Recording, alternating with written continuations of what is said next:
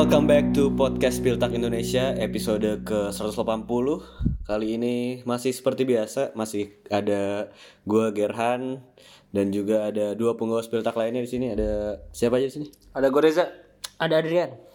Jadi kita kembali lagi setelah melalui weekend yang gegap gempita ya karena banyak banget gue terasanya banyak banget hal yang terjadi weekend ini gitu kan dari mulai eh di luar sepak bola mungkin ada konser-konser gitu. Terus di sepak bola sendiri big matchnya banyak banget di weekend kemarin. Walaupun ya gue setiap weekend sih memang terasanya tidak terlalu antusias. Karena gue kerja. Kalau gimana? Ja seminggu terakhir ja. Weekend gue cukup berwarna ya karena eh, di Purwokerto secara Oh iya, lu- mengejutkan gue mengakhiri pekan di Purwokerto dan walaupun bekerja tapi cukup ya datang ke kota baru selalu menyenangkan lah. Tapi itu gimana ceritanya? Lu bisa menjadi komentator badminton ya? Badminton kan? Iya, gue gantiin Ricky Subagja. Waduh, Tapi Guardian Legend dong nih. Iya kan legend. Nggak, tapi tapi ini pertama kali lu badminton kan? Badminton pertama kali, jadi kayak ngegantiin dadakan gitu dan eh, kebetulan sama si Kang Didan tuh direkomendasiin gua karena itu tuh keadaannya baru beberapa hari sebelumnya siaran futsal bareng, jadi Hmm. kayak ya Ya itulah perlunya koneksi ya. koneksi dan lagi-lagi kan tidak tertebak yang penting kita harus siap setia st- harus siap setiap saat. Oke. Mantap. Berarti semakin versatil ini nih si Reja sekarang. Kalau gimana, Dri? Ah, gua Ada yang mau lu komentari mungkin terhadap konser-konser yang terjadi atau lu Aduh, eh gue punya banyak komentar tapi gue simpan di eh, ya buat kita kita aja deh yang denger ya. Karena Off the record. Off the record karena kayaknya terlalu banyak pihak yang apa ya yang mendatangi acara tersebut lah ya. Jadi daripada nanti di disangka gatekeeper lah, so asik lah. Jadi gue diem aja deh, Ger. Tapi ada yang viral banget tuh ya. Kejadian yang mana tuh? ya yang baru banget itu yang, Yang ada seorang penyanyi menggosokkan handphonenya ke kemaluannya. Gue gue sampai bukan handphonenya. Oh, bukan handphone dia. handphone penggemarnya. penggemarnya. Terus dia bilangnya fan service. Tapi ya gue gua agak bingung sama orang-orang yang nyuruh dia untuk minta maaf gitu ya. Kan emang dia mau nih fansnya mau. Ya udah gitu kenapa harus minta maaf anjir? Iya sih. Gue sih ya walaupun memang itu Nah, tidak etis gitu menurut ya. gue Tapi kan itu, lingka- itu kan lingkungan Kenapa nggak gitu. dia di misalkan dia tahu nih ah gue kan buat fan service kenapa nggak didiemin aja ya pas pas klarifikasi juga Iya jadinya mending gak usah mending gak usah, mending gak usah klarifikasi iya kan ya aduh tapi ya mungkin punya pertimbangan lain kali ya Iya, iya.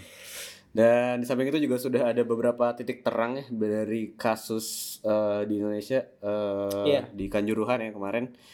Walaupun ya masih menurut gue perjuangan masih cukup jauh bagi para supporter dan korban ya karena bersangkut paut dengan institusi satu ini yang cukup bebal ya. Ya kan kalau kita berkaca dari Hisbro aja itu kan Iya, berpuluh-puluh 33 iya. tahun. Berpuluh-puluh tahun baru akhirnya mengakui kesalahan Hmm. ya institusi tersebut walaupun berbeda negara tapi kan sebenarnya ya mirip-mirip lah. Hmm. Jadi ya harus terus harus solid terus ya solid harus terus ya maksud gue jadi momentum juga kan Hmm. cukup baik jadi jangan sampai ada oknum-oknum yang akhirnya membuat ya karena udah mulai muncul kan kemarin tuh sempat ramai juga kan yang muncul di mata Najwa tuh eh, oknum supporter dari salah satu eh, Sebut saja namanya Dadang. tapi Yang kayaknya paling tapi beda tidak, banget ya. ti- tidak eh, merepresentasikan Iya, iya. secara keseluruhan kan katanya itu. iya. jadi ya semoga jadi momentum agar eh, rivalitas boleh tapi tetap ya, dalam koridornya tetap dalam ya koridornya. walaupun kalau kejadian di situ kan bukan karena rivalitas juga kan ya titik terangnya sih gue lihat ada beberapa tersangka yang memang udah ada gitu menurut gue. Udah ada namanya lah yang harus bertanggung jawab ya. ya walaupun itu nama-nama yang sebenarnya kan jadi eh, Eh, kambing hitam gitu ya. kambing hitam juga sih menurut, menurut gua lebih Harusnya jauh lebih banyak ya. dari itu. Saatnya kita beralih ke ngomongin bola nih. Di weekend kemarin juga udah banyak big match dari mulai Serie A ada Juve lawan Milan terus ada Arsenal Liverpool yang membuat kita semua moodnya memburuk ya. Walaupun tim gue di Bundesliga Werder menang. Adrian ya seri. Gua seri. Seperti juga. menang. Seperti menang. Seperti menang. Dan itu dari klasiker juga eh, highlight of the weekend. Lah menurut gue pertandingan paling seru walaupun ya Arsenal Liverpool seru juga sih. Eh, jadi di episode kali ini kita bakal ngomongin apa jadi Di episode kali ini kita bakal ngebahas yang pertama tentang Xabi Alonso debut karena minggu lalu kita belum sempat bahas ya karena setelah episode dinaikin baru Xabi Alonso Iya. jadi pelatih Leverkusen. Terus kita juga bakal membahas mengenai Pellegrini, Pellegrino. Pellegrino Matarazzo yang dipecat sama Stuttgart dan satu lagi apa kira? Ya tentu saja kita bakal bahas dari Klasikar terlebih dahulu. Benar. Iya. Segmen kedua kita bakal ngomongin nih gara-gara udah bahas pelatih terus kita sekalian aja bahas pelatih walaupun ya dari liga lain tapi tetap Jerman. Itulah Jurgen Klopp yang makin ke sini kayak semakin diragukan dan ya kita bahas eh, apa saja yang terjadi gitu pada Jurgen Klopp di musim ini gitu. Dan ya sebelum itu kita akan bahas recap dulu di pekan ke berapa ya kemarin? 10 apa 9? 9. 9 di Bundesliga. Iya, di, di Spieltag ke-9 yang dibuka dengan kemenangan timnya Gerhan, Werder Bremen yang berhasil menang atas Hoffenheim. Ini Bremen menyamai Freiburg sebagai tim away terbaik di Bundesliga musim ini, 11 poin dalam 5 laga away, meskipun hanya 4 poin dalam 4 laga kandang musim ini. Terus Boku menang 3-0 atas Eintracht ini juga hasil yang sangat mengejutkan. Kemenangan pertama Bokum musim ini dan kemenangan pertama Thomas Letch di Bundesliga. Leverkusen menang 4-0 atas Schalke, laga debutnya Xabi Alonso dan ini merupakan kemenangan terbesar oleh pelatih debutan dalam sejarah Bundesliga. Augsburg ditahan imbang 1-1 oleh Wolfsburg. Yannick Gerhardt mencetak gol di dua pekan beruntun dan sudah menyamai rekor terbanyaknya dalam semusim Bundesliga yang memang hanya dua gol.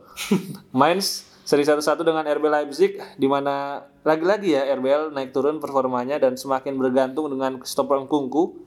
Bahkan 7 dari 14 gol atau 50% gol RB Leipzig di Bundesliga musim ini dicetak oleh Nkunku.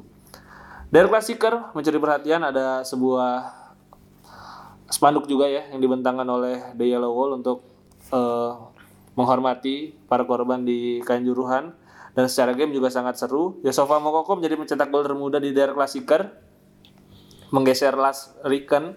Kemudian gol di menit ke-95 yang dicetak oleh Anthony Modest juga merupakan gol paling telat dalam sejarah Der Klassiker sejak Opta mengumpulkan data. Gladbach menang 5-2 atas Köln di Rhein Derby. Rami Bensaba ini menjadi pemain Gladbach pertama yang mencetak brace di Rhein Derby sejak 2011. Saat itu Mike Henke mencetak brace dalam kemenangan 3-0 atas Köln.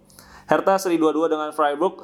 Gol pertama Kevin Schade menjadi penyelamat. Ini merupakan gol pertama Kevin Schade sejak Februari 2022 dan saat itu juga ke gawang Hertha Berlin kebetulan. Stuttgart kalah 0-1 atas Union Berlin dan ini membuat Stuttgart gagal mencetak clean sheet di 26 laga kandang beruntun di Bundesliga menyamai rekor terburuk milik Rot Weiss Essen pada 1974. Kekalahan yang juga membuat akhirnya Matarazzo dipecat.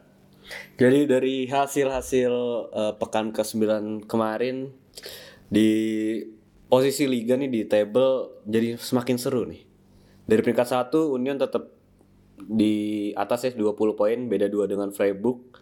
Di posisi 2 dia 18. Dari posisi 3 sampai posisi 10 beda cuma 3 poin, Bayern 16. Terus ada Dortmund, Bremen, Gladbach, Hoffenheim, Frankfurt, Köln dan Augsburg. Jadi Bayern 16, Augsburg 13, sisanya 15 14 tuh. Jadi benar-benar satu kemenangan, satu kekalahan itu bisa berubah banyak gitu kalau di Bundesliga musim ini. Menurut gue nih menjadi salah satu eh, awal musim terseru sejak Spieltag ada ya. sejak kayaknya kayaknya gue agak lupa nih. Cuman ini menurut gue seru banget sih. Ini seru banget sih dan eh, maksudnya seru dalam artian karena ini semua tim belum ada yang benar-benar perform ya. Iya. Bahkan Union Berlin kan musim eh pekan lalu juga kalah, Freiburg eh, pekan ini ditahan oleh Hertha. Jadi kalau secara overall seru walaupun kalau yang Spieltag pertama kali muncul itu kan juga seru title race-nya kan. Hmm, Iya, 18 19 ya. Ya Bremen juga gitu sih. Bagus di away tapi di kandang busuk mulu nih. Gue agak bingung. Eh, dan kita mungkin bakal ngomongin the big match of the week kemarin, week of the weekend kemarin. Ada Der Klassiker tentunya yang sayangnya gue cuma bisa nonton satu babak di pertandingan ini. Tapi memang seperti biasa Der Klassiker ini selalu menjadi sebuah kesatuan yang sangat komplit gitu. Eh, ya gue sih ngelihatnya karena ini pertandingan yang eh, tensi tinggi dan kedua pelatih juga menghasilkan pertandingan yang seru. Cuman dari kualitas serangan nih sebenarnya pertandingan dari klasiker ini salah satu yang paling buruk sih kalau menurut gue. Bayern iya, hanya dua tendangan ke gawang bahkan di babak pertama Dortmund berhasil membangun serangan tapi ketika masuk kotak penalti ya pada kebingungan. Di babak kedua akhirnya tampil yang dominan ini Bayern karena Matsumas ditarik. Ka- kalau gua nggak salah ingat juga jadinya ganti formasi ya. Hmm. jadinya pola bermain Dortmund sedikit berubah. Tapi yang paling mengagetkan sih ketika Terzic berhasil masukin Modes dan akhirnya ternyata itu yang membawa pertandingan kembali eh, pendulumnya ke arah Dortmund sehingga bisa mencuri poin gitu. Karena Modis bikin satu assist dan satu gol ya assist ke Mokoko Nah, itu padahal tuh. episode lalu bilang Unexpected kan? Modis gak usah main. Tapi maksud gua Modis gak usah main lumayan berjalan lancar lah di awal-awal Mokoko main Iya, lumayan dan bagus. memang memang memang berasa sih Mukoko bermain sangat baik. Walaupun ya di waktu babak- lawan Sevilla lanjut. di Oh, babak pertama juga cukup eh, berkutat di tengah ya di Der Klassiker kali ini dan ya seperti yang gue bilang tadi whole package kontroversi ada drama late goals ada bahkan ini jadi gue baru tahu kalau ini jadi gol terlambat ya Iya. di Der Klassiker 90 plus 5 dan eh, fans Bayern lagi-lagi mencak-mencak eh, eh, ngatain fans Dortmund ini terlalu berlebihan udah kayak juara gitu ya. Dan kali ini fans Bayern nih yang justru merasa dirugikan setelah di mungkin 2 3 pertandingan sebelumnya dari Klassiker sebelumnya tuh biasanya Dortmund yang dirugikan Iya. gitu ya. Tapi menurut lu gimana dia? Ini hasil yang adil bagi kedua klub apa gimana? Eh, sebenarnya kalau kita lihat dari dari klasiker sebelum-sebelumnya gitu ya, Dortmund walaupun selalu kalah dari Bayern, tapi kan selalu memberikan perlawanan gitu ya. Kayaknya kalah besar di Bayern juga udah cukup lama ya, mungkin dua atau tiga musim yang, lalu. iya. Eh, jadi emang gue rasa sebenarnya secara permainan tidak terlalu mengagetkan gitu bagaimana Dortmund bisa menahan permainan dari Bayern, tapi kemudian memang kenapa kemenangan ini dirayakan oleh Dortmund adalah ini hasil yang menurut gua sangat penting gitu buat mentalitinya para pemain Dortmund. Karena kan kita tahu mereka baru kalah dari FC Köln di pekan lalu jadi memang sangat butuh hasil untuk menghadapi Bayern. Dan ini sekali lagi menjadi hasil yang penting karena secara track record walaupun Dortmund selalu menyulitkan Bayern tapi mereka jarang bisa mendapatkan hasil gitu lawan Bayern jadi ini juga bisa menjadi suntikan secara moral dan bagaimana kemudian Dortmund menahan Bayern ini seperti menyiratkan gitu apa yang kurang dari Bayern sebenarnya di di musim ini gitu. Uh, Moukoko memang jadi starter tapi kemudian Modest ini menjadi sebuah jadi sebuah sosok yang berbeda gitu ketika dia masuk. Nah, ini kan sebenarnya yang hilang dari Bayern musim ini ketika Sadio Mane dan misalnya Gnabry di depan mentok. Nah, mereka tidak punya sosok seperti Modest gitu di, di tim Bayern saat ini dan memang sepanjang Bayern tertahan di musim ini di Bundesliga khususnya ini yang hilang dari Bayern ketika Mane mentok, Gnabry mentok, gua rasa Choupo Moting lagi-lagi bukan ada di level Bayern. Bahkan kalau head to head ya gue lebih jagoin Modest jauh dibandingkan Choupo Moting gitu. Udah pasti itu gue juga. Tapi lu ngeliatnya gimana Dri? Karena bisa dibilang ya eh, beberapa keputusan wasit cukup kontroversial, termasuk eh, soft eh, red cardnya Kingsley Coman yang dikritik sama si Oliver Kahn. Terus juga ada eh, Jude Bellingham yang nendang kepalanya Alfonso Davies itu bisa dibilang banyak yang beranggapan kalau itu banyak subjektif dari wasit gitu. Mungkin kalau wasitnya berbeda bisa aja kartu merah juga gitu kan. Dan lu ngeliatnya gimana Dri? Melihat tanggapan-tanggapan ada kecurangan, mungkin kontroversi tapi lu lihatnya gimana? Eh kalau untuk yang Kingsley Coman sih sebenarnya salahnya justru harusnya menyalahkan Kingsley Coman ya karena gue lupa siapa yang ditarik-tarik Adeyemi. Adeyemi ya. Adeyemi. Itu masih jauh dari Tapi dari- emang lagi counter attack. lagi counter cuman menurut gue sendiri yang nonton gak begitu bahaya Iya, gitu. dan dan depannya Koman tuh ada ada pemain Nah Bayern. itu masih masih lumayan banyak pemain Hmm. Bayern. Da- ya, kalau itu sih gue setuju kalau itu dapat kartu kuning Kartu kedua ya.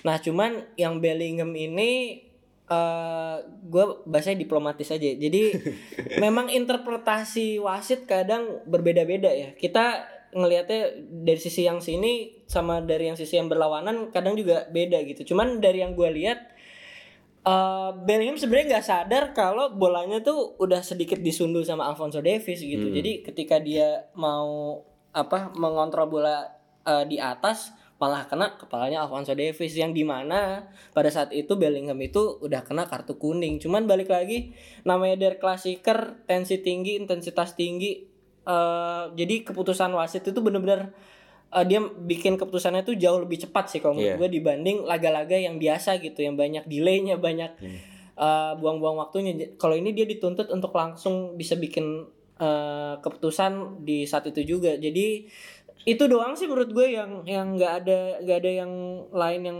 misalkan kontroversial gol gol yang harusnya offside malah disahin atau segala Iya. macamnya sih nggak ada jadi menurut gue Oliver kan pun terlihat kesal sekali ketika kebobolan menit akhir kan walaupun fansnya bilang ya ini kan hanya seri udah kayak menang ya kalau kayak gitu kenapa Oliver kan mencak-mencak kalau cuman poinnya cuman be- kurang dua kan gitu jadi Tapi iya benar. emang eh, secara eh, tidak sadar mentalitas big match itu kerasa bagi semua jadi ya wajar kalau ada interpretasi yang berbeda gitu Dan memang secara XG kalau nggak salah Bayern juga nggak gede-gede banget. Iya. Eh, secara peluang juga nggak bagus-bagus banget juga. Dan soal wasit sih gue ngeliatnya memang ini memang dari klasiker nih pressure-nya tinggi banget karena dari sebelum-sebelumnya kan juga selalu wasit menjadi sorotan untuk banyak eh, keputusan-keputusan kontroversial gitu. Cuman memang eh, di pertandingan kali ini lagi mungkin ya lebih ke Dortmund condong. iya Dan Dennis Aitekin kan juga sebelumnya udah bilang kalau walaupun dia datangnya dari asosiasi Bavaria, cuman dia bukan iya tuh kan orang Bavaria masa ngebelain yang lain ya tapi dia Franconia Dri. Dia Polonia dia Ya, Nuremberg. Nuremberg dan Nuremberg. Frankfurt, nggak tahu deh tuh bedanya apa sama yang Bayern. Eh paling gitu aja berarti untuk Der Klassiker jadi Dortmund ya bisa dibilang imbang Sukses ya. imbang rasa sukses menang. ya. imbang rasa menang Justru yang merasakan kalah dan terasa semakin terpuruk gitu ya. Ada Pellegrino Matarazzo sudah kalah tertimpa tangga bet. sudah kalah- sudah jatuh tertimpa tangga. Udah kalah lagi lawan Wolfsburg kemarin 3-2 Wah, menit-menit akhir Yannick Gerhardt golin 91 dan ini menjadi Bukan lawan Wolfsburg. Bukan Bukan Wolfsburg lawan Augsburg minggu ini. Lawan Union, Union. Union. Oh iya benar-benar Wolfsburg yang musim eh yang pertandingan Pertandingan sebelumnya kemarin, iya. lawan Union di pertandingan terakhir. Ini jadi winless ke 9 berarti karena belum menang musim ini dan hanya tiga kali menang di 2022 kalau lu ngeliatnya eh kenapa aja Stuttgart bisa jelek banget musim ini? Eh, sebenarnya kan ini sudah ditulis ya di Zinnya Spieltag gitu. Eh, di mana peluang Stuttgart akan besar untuk bertahan jika Kalezik ini bisa bertahan. Sedangkan kita tahu Kalezik ke Wolverhampton terus juga ya sebenarnya langsung cedera cukup sial. Tetapi kalau gue lihat emang Stuttgart kehilangan sosok sih di depan gitu karena mereka sebenarnya main gak buruk-buruk amat gitu dari 9 pertandingan 5 hasil imbang 4 kali kalah eh, nggak seburuk misalnya performanya ke Bokum gitu tapi memang mereka kehilangan winning factor gitu yang di mana dimiliki oleh Kalajdzic sedangkan kalau kita lihat secara squad gitu memang Stuttgart ini kan sangat amat tidak mewah gitu ya. Pemain-pemain muda yang memang belum banyak pengalaman jadi memang dibutuhkan pemain-pemain yang bisa menjadi pembeda. Mungkin kalau di belakang udah ada Dinos Mavropanos udah ada Anton di tengah udah ada Endo misalnya. Tapi kalau di depan gue lihat memang belum ada yang bisa menggantikan sosok seorang Kalajdzic karena pemain-pemainnya juga sangat mediocre gitu. Si Pfeiffer terus Perea Thomas juga baru balik dari cedera. Jadi memang tidak bisa menyalahkan Pellegrino Matarazzo sepenuhnya gitu. Dan eh, walaupun secara overall memang gua rasa udah mentok lah. Ini eh, saat yang tepat mungkin buat mengganti pelatih. Beda sama misal gue bahas Seono pekan lalu gitu ya. Karena eh, secara hasil lebih banyak hasil baik yang diraih oleh Seoane bersama Leverkusen dibandingkan hasil buruknya gitu. Sedangkan kalau Stuttgart ini memang sudah terlihat cukup lama kan dari Januari ke Oktober ini 10 bulan gitu ya, bukan bukan waktu yang singkat dan hanya mendapatkan tiga kemenangan. Jadi memang ada sesuatu yang salah. Nah, yang gue takutin justru memang masalahnya bukan hanya sekedar di pelatih, bukan hanya pemain, tapi secara internal karena kabarnya eh, mereka sudah melakukan negosiasi dengan Domenico Tedesco dengan eh, Zotlov juga gagal karena tidak ada kepastian mengenai masa depannya Sven Mislintat katanya. Ya tapi memang kalau dilihat secara sta- statistik eh, untuk penyerangan Stuttgart kedua terburuk berarti ya. Hanya hanya 9 gol. Cuman lebih baik daripada Bokum yang cuma 8 gol gitu. Terus secara defense memang nggak buruk-buruk amat dia ada di peringkat 11 kalau nggak salah apa 14 gue lupa. Cuman kebobolan 14 gol gitu. Masih banyak yang kebobolan 20-an nih musim ini. Kalau lu ngeliatnya apakah memang ini Matarazzo sudah saatnya yang tepat untuk dipecat dari lu? Iya kalau menurut gue eh sebenarnya agak kurang beruntung ya karena tiga kekalahan Stuttgart tuh beruntun dan eh, skornya tuh sebenarnya tipis-tipis dan di kayak pertandingan Union Berlin kemarin bahkan Stuttgart bisa memberikan perlawanan lawan Wolfsburg harus kalah di gol menit akhir walaupun itu kalah tapi sebenarnya secara permainan Stuttgart nih dalam tanda kutip masih bisa untuk ngikutin lawannya lah gitu. Hmm, setuju. Cuman eh Matarazzo juga udah eh, dari 3 back terus ke formasi 4 back tapi hasil masih sama dan mungkin eh, manajemen Stuttgart tuh ngelihat secara keseluruhan di tahun ini kalau trennya begini terus sepertinya Matarazzo memang kelihatannya bukan orang yang cocok untuk menukangi Stuttgart lagi gitu Ger. Walaupun eh, skuadnya Stuttgart ini salah satu yang termuda dan Matarazzo udah sering nanganin.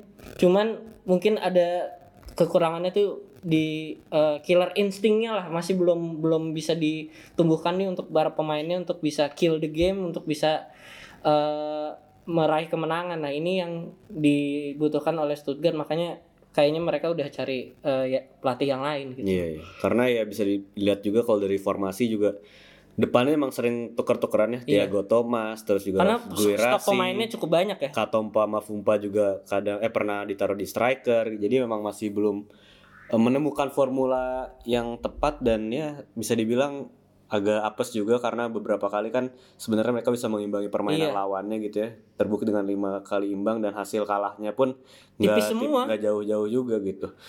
Jadi memang ya kalau menurut gue sih memang sudah layak dipecat ya karena tiga kemenangan di 2022 tuh udah parah banget sih. Gue sempat mengalami masa-masa itu di uh, zamannya Florian Kofeld yang nggak pernah menang di paruh kedua musim tuh cuma berapa kali menang gitu satu kali apa berapa gitu. Jadi ya lebih baik emang dipecat lebih cepat sih menurut gue dan kabarnya juga saat ini Stuttgart tadi udah eh, yang kayak dibilang Reja udah mulai mengkontak beberapa pelatih di kandidatnya di siapa aja? Eh, Tedesco udah nolak. Terus sekarang udah negosiasi sama itu Sorlov Jotlov iya yang asistennya Thomas Tuchel ketika di Chelsea dan juga Jerm P- Paris Saint Germain. Nah itu sebenarnya memang situasi juga masih belum pasti eh, karena Love ini minta kepastian tentang Sven Mislintat ya yang sporting directornya Stuttgart.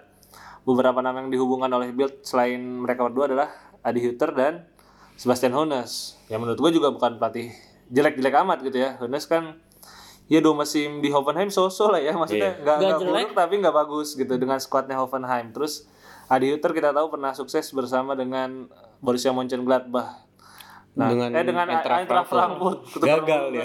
karena saking susah. bolak-baliknya Iya, ya susah, sih itu emang harus diakui Eh, terus kalau Love ini justru menarik kan karena dia belum pernah menjadi pelatih utama. Nah, yang gue takutkan adalah tidak semua pelatih ini bagus ketika menjadi pelatih utama untuk membuat keputusan-keputusan penting. Nah, ini yang memang kemudian kalau misalnya memang menjatuhkan pilihan kepada Love ini harus banyak im- eh, improve dan harus banyak pembuktian lah dari si South Love ini. Karena kita tahu banyak pelatih yang bagus sebagai asisten tapi ketika jadi pelatih utama gagal banget gitu. Bukan gagal aja tapi gagal banget. Kayak si Pep Linders kayak David Wagner Thierry Henry juga jadi nggak- memang nggak nggak semudah itu gitu Tapi justru itu yang menarik ya karena eh kalau berhasil menurut gue menyenangkan sih. Ya. Kayak Hansi Flick ternyata bagus banget.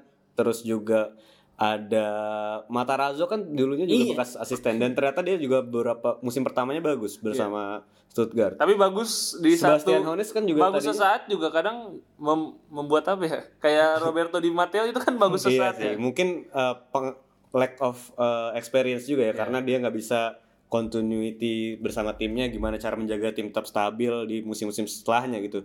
Dan ini mungkin yang menjadi tantangan juga bagi pelatih baru Bayer Leverkusen, Xabi Alonso yang di debutnya menang 4-0, dia juga pelatih yang belum pernah melatih tim utama ya. Benar. Terakhir melatih Real Sociedad, Sociedad B walaupun ya di sana dia cukup dipuji-puji atas permainan yang atraktif, permainannya yang eh, proaktif juga dan terbukti juga di pertandingan kemarin mereka eh, Xabi Alonso bersama Bayer Leverkusen bisa menang 4-0. Ini mungkin kemenangan terbesar mereka di musim ini kayaknya ya. iya Ya kan 4-0 dan dari lihat gue jujur nggak nonton tapi gue lihat dari highlight dan kreasi peluang yang tercipta sih gue ngeliat Musa Diaby sudah mulai eh, hidup kembali gitu gue ngeliatnya Kalau lu first impression dari Xabi Alonso gimana, Dri?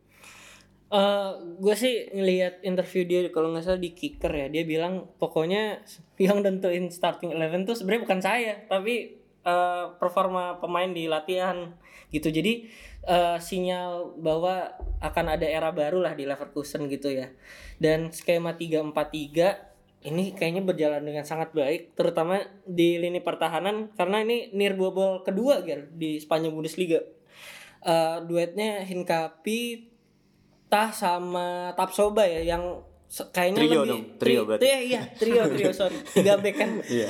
Lebih leluasa dan bisa mengcover banyak area gitu. Kalau di lini depan sih sebenarnya kalau menurut gue hanya tinggal menunggu orang yang tepat aja untuk ngasih instruksi bermain yang lebih lebih gamblang, lebih jelas lagi dan Sabi Alonso kan memang terkenal dengan possession based football yang menyerang dan di lini tengah juga konsisten banget untuk ngatur ritme. Jadi gua gua rasa Sabi Alonso ini project harusnya jadi project jangka panjang gitu ya, tapi dengan kemenangan 4-0 ini jadi pertanda bahwa Sabi Alonso tahu sebenarnya masalah eh, Leverkusen ini apa dan sepertinya juga tahu cara untuk mengatasinya gitu, Gar. Dan dari beberapa hal yang gue baca juga karena gue pernah bikin tulisannya juga waktu itu pas dirumorkan ke Gladbach ya. Xabi Alonso emang suka dengan high flying wingback nih dan Iya. kemarin kan Frimpong juga Terbukti bisa ya. Bisa jadi dua gol Dua tuh. gol. Mungkin menjadi aset yang bagus untuk di fantasi Bundesliga aja. Tapi kalau lo sendiri ngeliatnya Xabi Alonso di Leverkusen gimana aja? Ya se- sebenarnya terlalu dini ya. Iya benar. Apalagi Walaupun lawannya Schalke, iya, iya, Schalke karena doang. lawannya gitu. Schalke, Schalke gitu. doang. Schalke ya Yang Frank Kramer katanya mau dipecat juga. ya nih. gua rasa Persija juga menang lawan Schalke sekarang gitu. Eh, ya terlalu dini tapi sebenarnya memberikan harapan lah. Eh, walaupun gue sekali lagi masih menyayangkan Graziano dipecat tapi ya penggantinya cukup highly rated ya di kalangan bukan hanya fans Bundesliga tapi di Spanyol juga katanya emang menyajikan permainan yang atraktif gitu dan memberikan sesuatu yang berbeda katanya di Spanyol bersama Sociedad B. Oh nggak salah tuh sempat promosi ya ke Segunda apa gitu pokoknya naik naik divisi dari divisi 4 ke divisi 3 kalau nggak salah si Sociedad B itu terus eh, secara main atraktif bahkan sempat dikabarkan ke Gladbach kan di musim lalu tapi kemudian akhirnya tetap stay di Sociedad setahun lagi dan akhirnya sekarang mendapatkan kesempatan di Bundesliga sebenarnya yang membuat Xabi Alonso menarik adalah bagaimana profil dia kan sebagai gelandang jenius salah satu gelandang paling jenius di era 2000-an nah ini sebenarnya kadang memberikan bias gitu ya. Gimana? Gelandang-gelandang katanya lebih bagus dibandingkan striker Katanya jadi. IQ-nya Iya. tinggi ya. Padahal kalau kita lihat kan Lampard juga udah beberapa kali ada Lampard kesempatan. kan tidak jenius ya. Lampard tidak tidak jenis. Gue liatnya Lampard oportunis sih. Lampard Tipikal tipikal Gerard Gerard jenis. Gerard jenius. nah, itu kan bias. Jadi ya nggak nggak nentu juga gitu posisi lu sebagai pemain lu apa ya walaupun ada kecenderungan katanya back dan gelandang ini lebih Lebih pintar membaca ya. ini soalnya. Iya, dan Baca yang permainan. bikin menarik juga adalah eh, bagaimana Xabi Alonso dulu kan dilatih oleh Rafa Benitez, kemudian dilatih oleh Guardiola, Ancelotti, Ancelotti, banyak influence dan ini yang membuat Mourinho juga. ya ini yang membuat gua rasa Xabi Alonso ini jadi lebih luas gitu. Beda sama kalau kita lihat pelatih-pelatih yang biasanya di Bundesliga yang influence-nya itu biasanya hanya dari RB, kemudian hanya Hannes dari Weisweiler, Weisweiler. dari Ralf Ragnik. Nah ini Xabi Alonso gue rasa menarik dan gue harap bisa memberikan sesuatu yang berbeda di kala Bundesliga ini mulai agak mirip-mirip semua timnya. Iya benar setuju gue makanya salah satu harapan gue yang membawa eh, warna berbeda dan menyenangkan lah gitu karena memang kalau dilihat gue setuju sih ini karena kan kalau di Bundesliga kalau nggak RB Ha- Hannes Weisweiler terus Ralf Ragnik Kalau Hannes Weisweiler hampir pasti kan, Hampir pasti. hampir banyaknya tuh ada Ragnik eh, Influence. Bahkan kayak Thomas Letts itu kan yang di Bochum itu kan juga ada influence dari Red Bull kan. iya benar-benar jadi ya semoga gue sih walaupun ya bisa dibilang lawan Schalke bukan ujian yang seberapa bukan ujian lah menurut masih welcoming day Dan dan yang yang dirumorin ke Stuttgart juga ternyata Red Bull influence semua ya. siapa emang Love itu kan oh iya benar Red Bull, Adi Hutter, Heeh. Domenico Tedesco. Hmm. Sepp Hoeneß juga pernah jadi pelatih akademi ini kalau nggak salah. Stefanus Akademi Bayern dia mah. Eh bukan nih. Akademi sebelum Bayern tuh kalau nggak salah sempat Red Bull Academy atau apa? Livering gitu kali ya. Iya benar-benar. Dan ya sudah tadi kita udah ngebahas pelatih yang tampaknya akan mengalami musim yang bagus gitu ya musim ini. Selanjutnya kita bakal ng- ngomongin pelatih yang kelihatannya bakal mengalami musim yang buruk nih. Jurgen Klopp bersama Liverpool lagi angin-anginan banget. Bahkan bisa dibilang ini mungkin start salah satu starter buruknya Klopp di Liverpool ya. Iya. Kayaknya starter buruknya deh. Starter buruk memang. Ini starter buruknya Klopp di Liverpool. Dan ya kita akan ngebahas apa saja ya mungkin yang terjadi di Liverpool dan Jurgen Klopp saat ini di segmen kedua.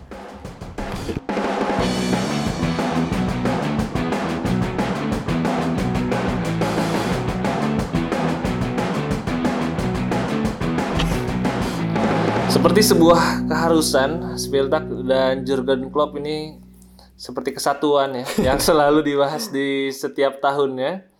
Entah sudah berapa episode kita membahas Jurgen Klopp sebagai tajuk utama, tapi kali ini memang cukup ur- cukup urgent ya. Hmm. Ini situasi cukup pelik bagi para fans Liverpool di mana posisi ke-10 bahkan di bawah Bournemouth yang sempat mereka kalahkan 9-0.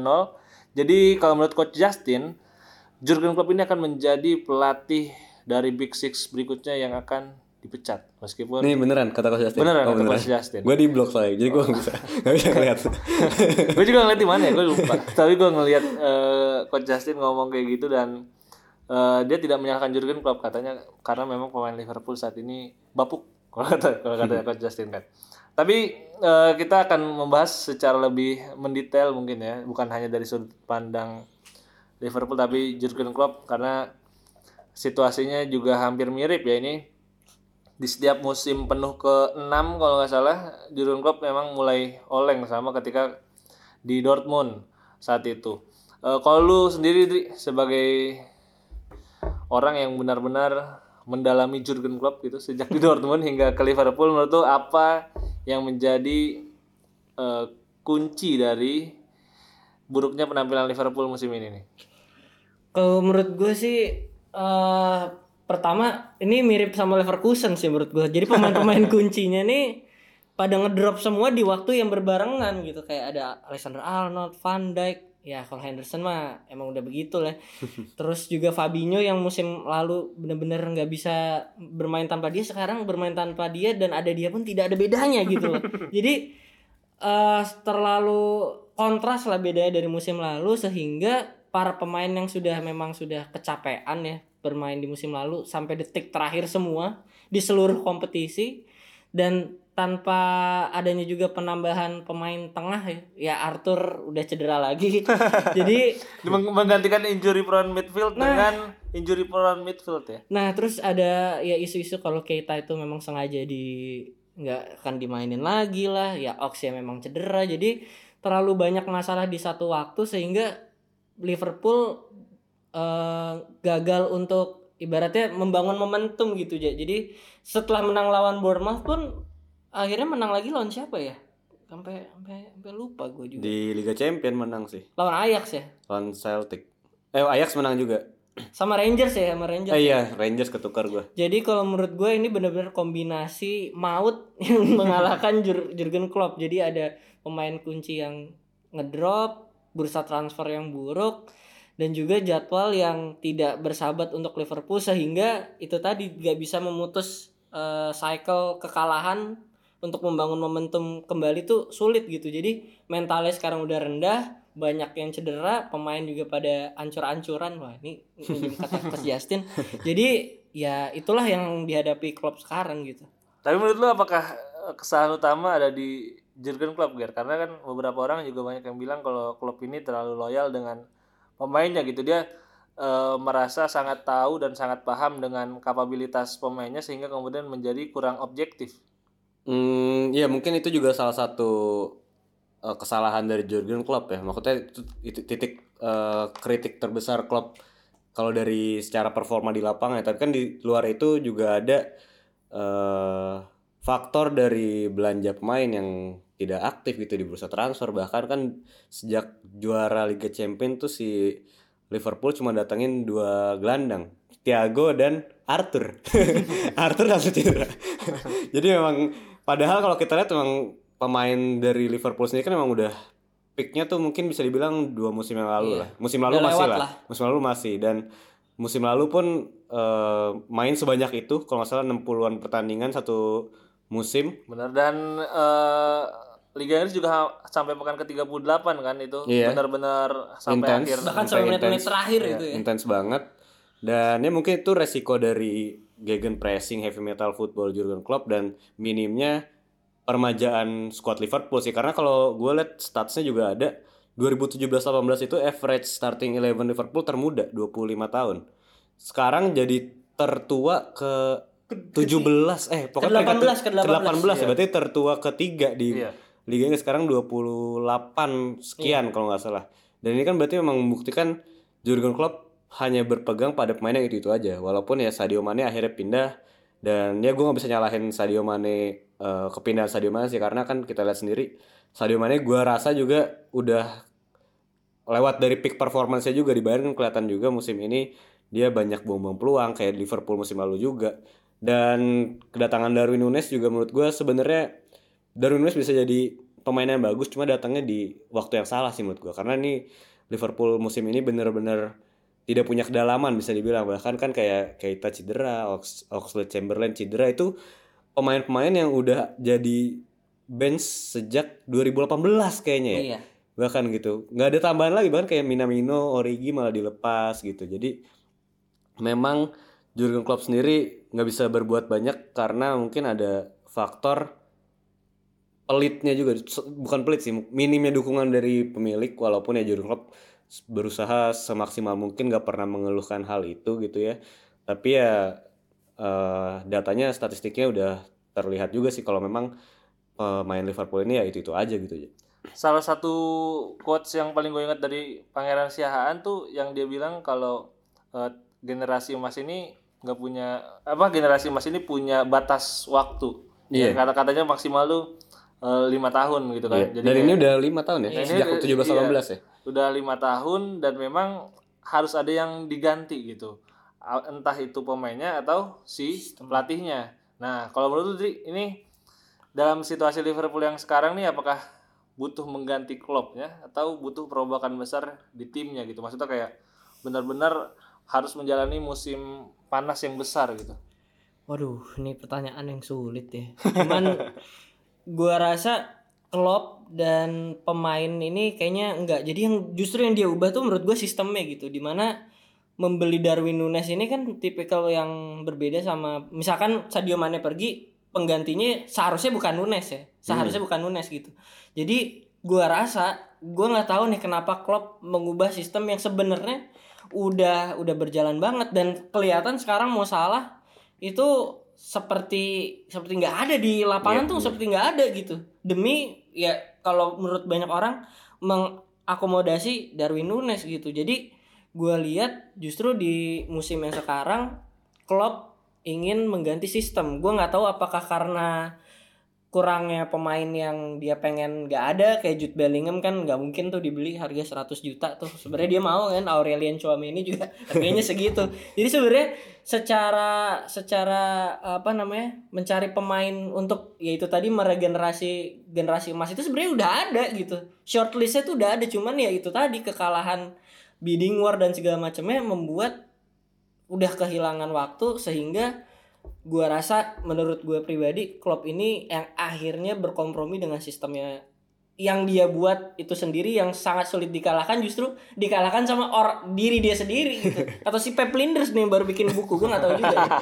itu itu pe- penyalah nyalahin yang paling nggak masuk akal sih. Banyak yang nyalahin. karena gitu. maksudnya jadinya orang kan bertanya-tanya kenapa sistem yang sudah berjalan baik yang se seingat gue nggak pernah ada yang bisa ngalahin banget ya nyari penawarnya tuh susah banget justru diganti sama orang yang menciptakan sistem itu sendiri. Itu kan tanda tanya besar gitu. Pasti ada penyebab penyebab lain yang menurut gue sih kita nggak tahu. Cuman intinya adalah yang berubah menurut gue justru sistemnya dibanding pelatih atau pemainnya yang ber, apa berganti gitu tapi Kalau- tapi menurut lu gimana, menurut gue itu merupakan adjustment dari Klopp karena dia tidak mendapatkan sokongan beli pemain sih. berarti ada alasannya ya? Iya, alasannya menurut gue itu. Dan ya dengan keterbatasan yang ada, ya Klopp cuma bisa berbuat itu. Karena kan kita lihat dua pertandingan terakhir ya, lawan Rangers juga dia udah mulai 4-2-3-1. dan Kemarin ada lawan hasil Arsenal. positif ya 4-2-3-1 sebenarnya mainnya bagus. Menurut gue bagus dibandingkan ketika lawan Brighton. Lawan Brighton bisa kebobolan 3 gol. Iya itu parah. Menurut gue agak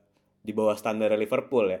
4-2-3-1 waktu lawan Rangers gue nonton bagus Stabil. stabil bahkan gue memuji Henderson pada saat itu karena gue liat pivotnya Henderson dengan Thiago oke dan ya walaupun masih tetap terekspos waktu lawan Arsenal ya karena ya lagi-lagi mungkin bisa dibilang pemain-pemain kuncinya ini gue setuju sama lu banyak yang menurun. Virgil van Dijk musim ini berubah banget dari eh, dua atau tiga musim yang lalu.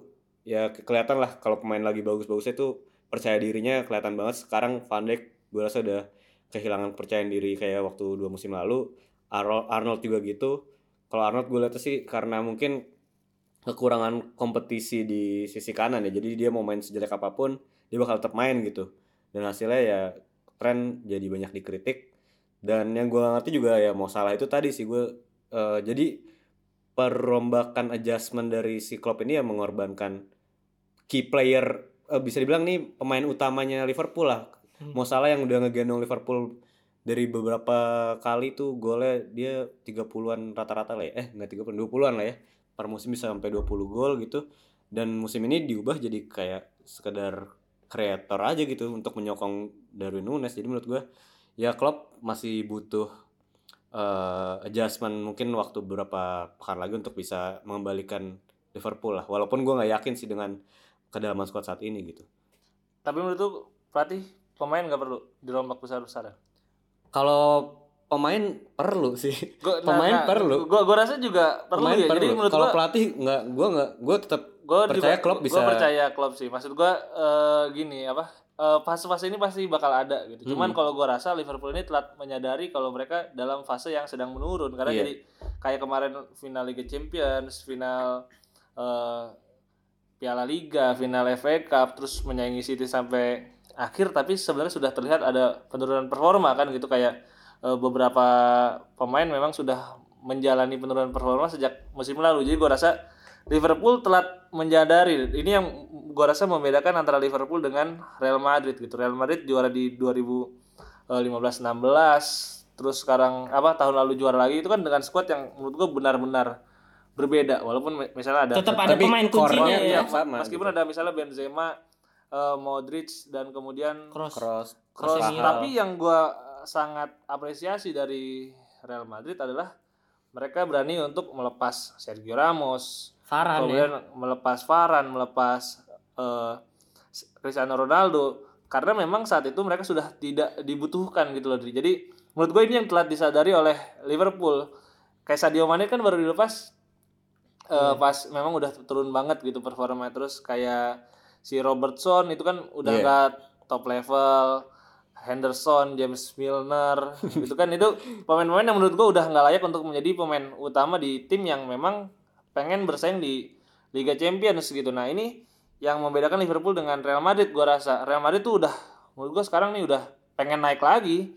Ada Vinicius, ada Rodrigo, Fede Valverde, Regenerasinya berhasil. Aurelio Tchouameni gitu. Jadi menurut gua ini yang membuat Liverpool akhirnya eh, kelabakan karena mereka telat aja nih awal untuk melakukan perombakan eh, besar-besarannya. Menurut gua secara squad mereka sekarang sekarang justru memang sudah memulai perombakan tersebut gitu kayak di depan itu kan Darwin Nunes, Luis Diaz, Diogo Jota itu kan baru semua gitu. Tapi memang datangnya telat di saat eh, Beberapa pemain yang beberapa lain emang udah menurun. Iya, jadi nggak ada ibaratnya pembimbingannya ada lah. yang konstan Nah, nggak ada ya. yang membimbing lah gitu kan kayak eh, Benzema itu kan benar-benar membimbing Vinicius dan Rodrigo gitu kan. Nah, ini yang gue rasa nggak ada di Liverpool eh, khususnya di tengah lah itu Fabio Carvalho, Curtis Jones, Harvey Elliott itu kan bukan bukan gelandang gitu. Hmm. Mereka main di situ kan benar-benar dipaksakan. Jadi memang menurut gue tidak salah Jurgen Klopp tapi ya butuh sesuatu yang besar lah kalau misalnya Liverpool pengen mengulang catatan di musim 1920 gitu misalnya. Jadi yang yang beknya cedera empat pemain tapi masih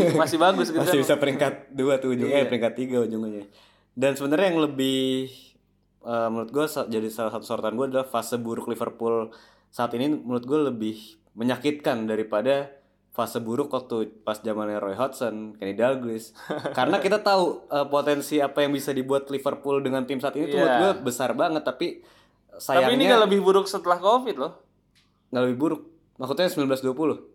Ini yang setelah Covid tuh ingat nggak? 2021. yang Iya, kalahnya itu itu menurut gue lebih lebih bagus itu karena at least Liverpool masih menguasai pertandingan. Dan emang tahu ya cuman masalahnya missing apa ya. missing di depan dan memang di belakang juga buruk kan. Walaupun nggak menang tapi kan kalahnya juga satu kosong lawan Fulham satu kosong lawan Burnley satu kosong doang gitu. Sekarang Brighton bisa bikin tiga gol lawan Liverpool terus kayak sebelumnya pokoknya kalau nggak salah nih nggak ada nggak ada clean sheet Liverpool kalau kalau dulu Brighton pengen golin lawan Liverpool ini ya nunggu Adrian benerin pagar. iya iya. Kalau sekarang tuh menurut gue ya itu sih menurut gue yang menyakitkan ya eh, seharusnya klub ini bisa beyond daripada empat tahun terakhir doang gitu. Menurut gue eh, kalau dijalankan dengan benar manajemennya juga punya kepekaan itu menurut gue bisa merajai Inggris mungkin lima tahun mendatang lagi dengan perencanaan yang bagus gitu kalau di tahun 2010-an kan ya emang pemainnya bapuk pelatihnya bapuk Semuanya ya udah ya. mau gimana lagi gitu kalau sekarang ini ada yang harus ada yang bisa dilakukan tapi nggak dilakukan gitu menurut gue Jadi memang eh, ya fase fase fase kayak gini menurut gua eh, ada lah dan gua eh, pengen sebenarnya lebih banyak klub yang tidak ketika satu fase buruk langsung memecat Iya. pelatih. Gua gua lagi-lagi karena gua berkaca dengan apa yang terjadi di Freiburg ya, bahkan ketika kemudian degradasi tetap percaya dengan Christian Streich, gue pengen lebih banyak sih sebenarnya klub-klub yang kayak gitu. Karena gue rasa nggak nggak sehat sih sekarang Iya. keadaannya benar-benar eh, ya pelatih sebesar apa sih impactnya menurut gua?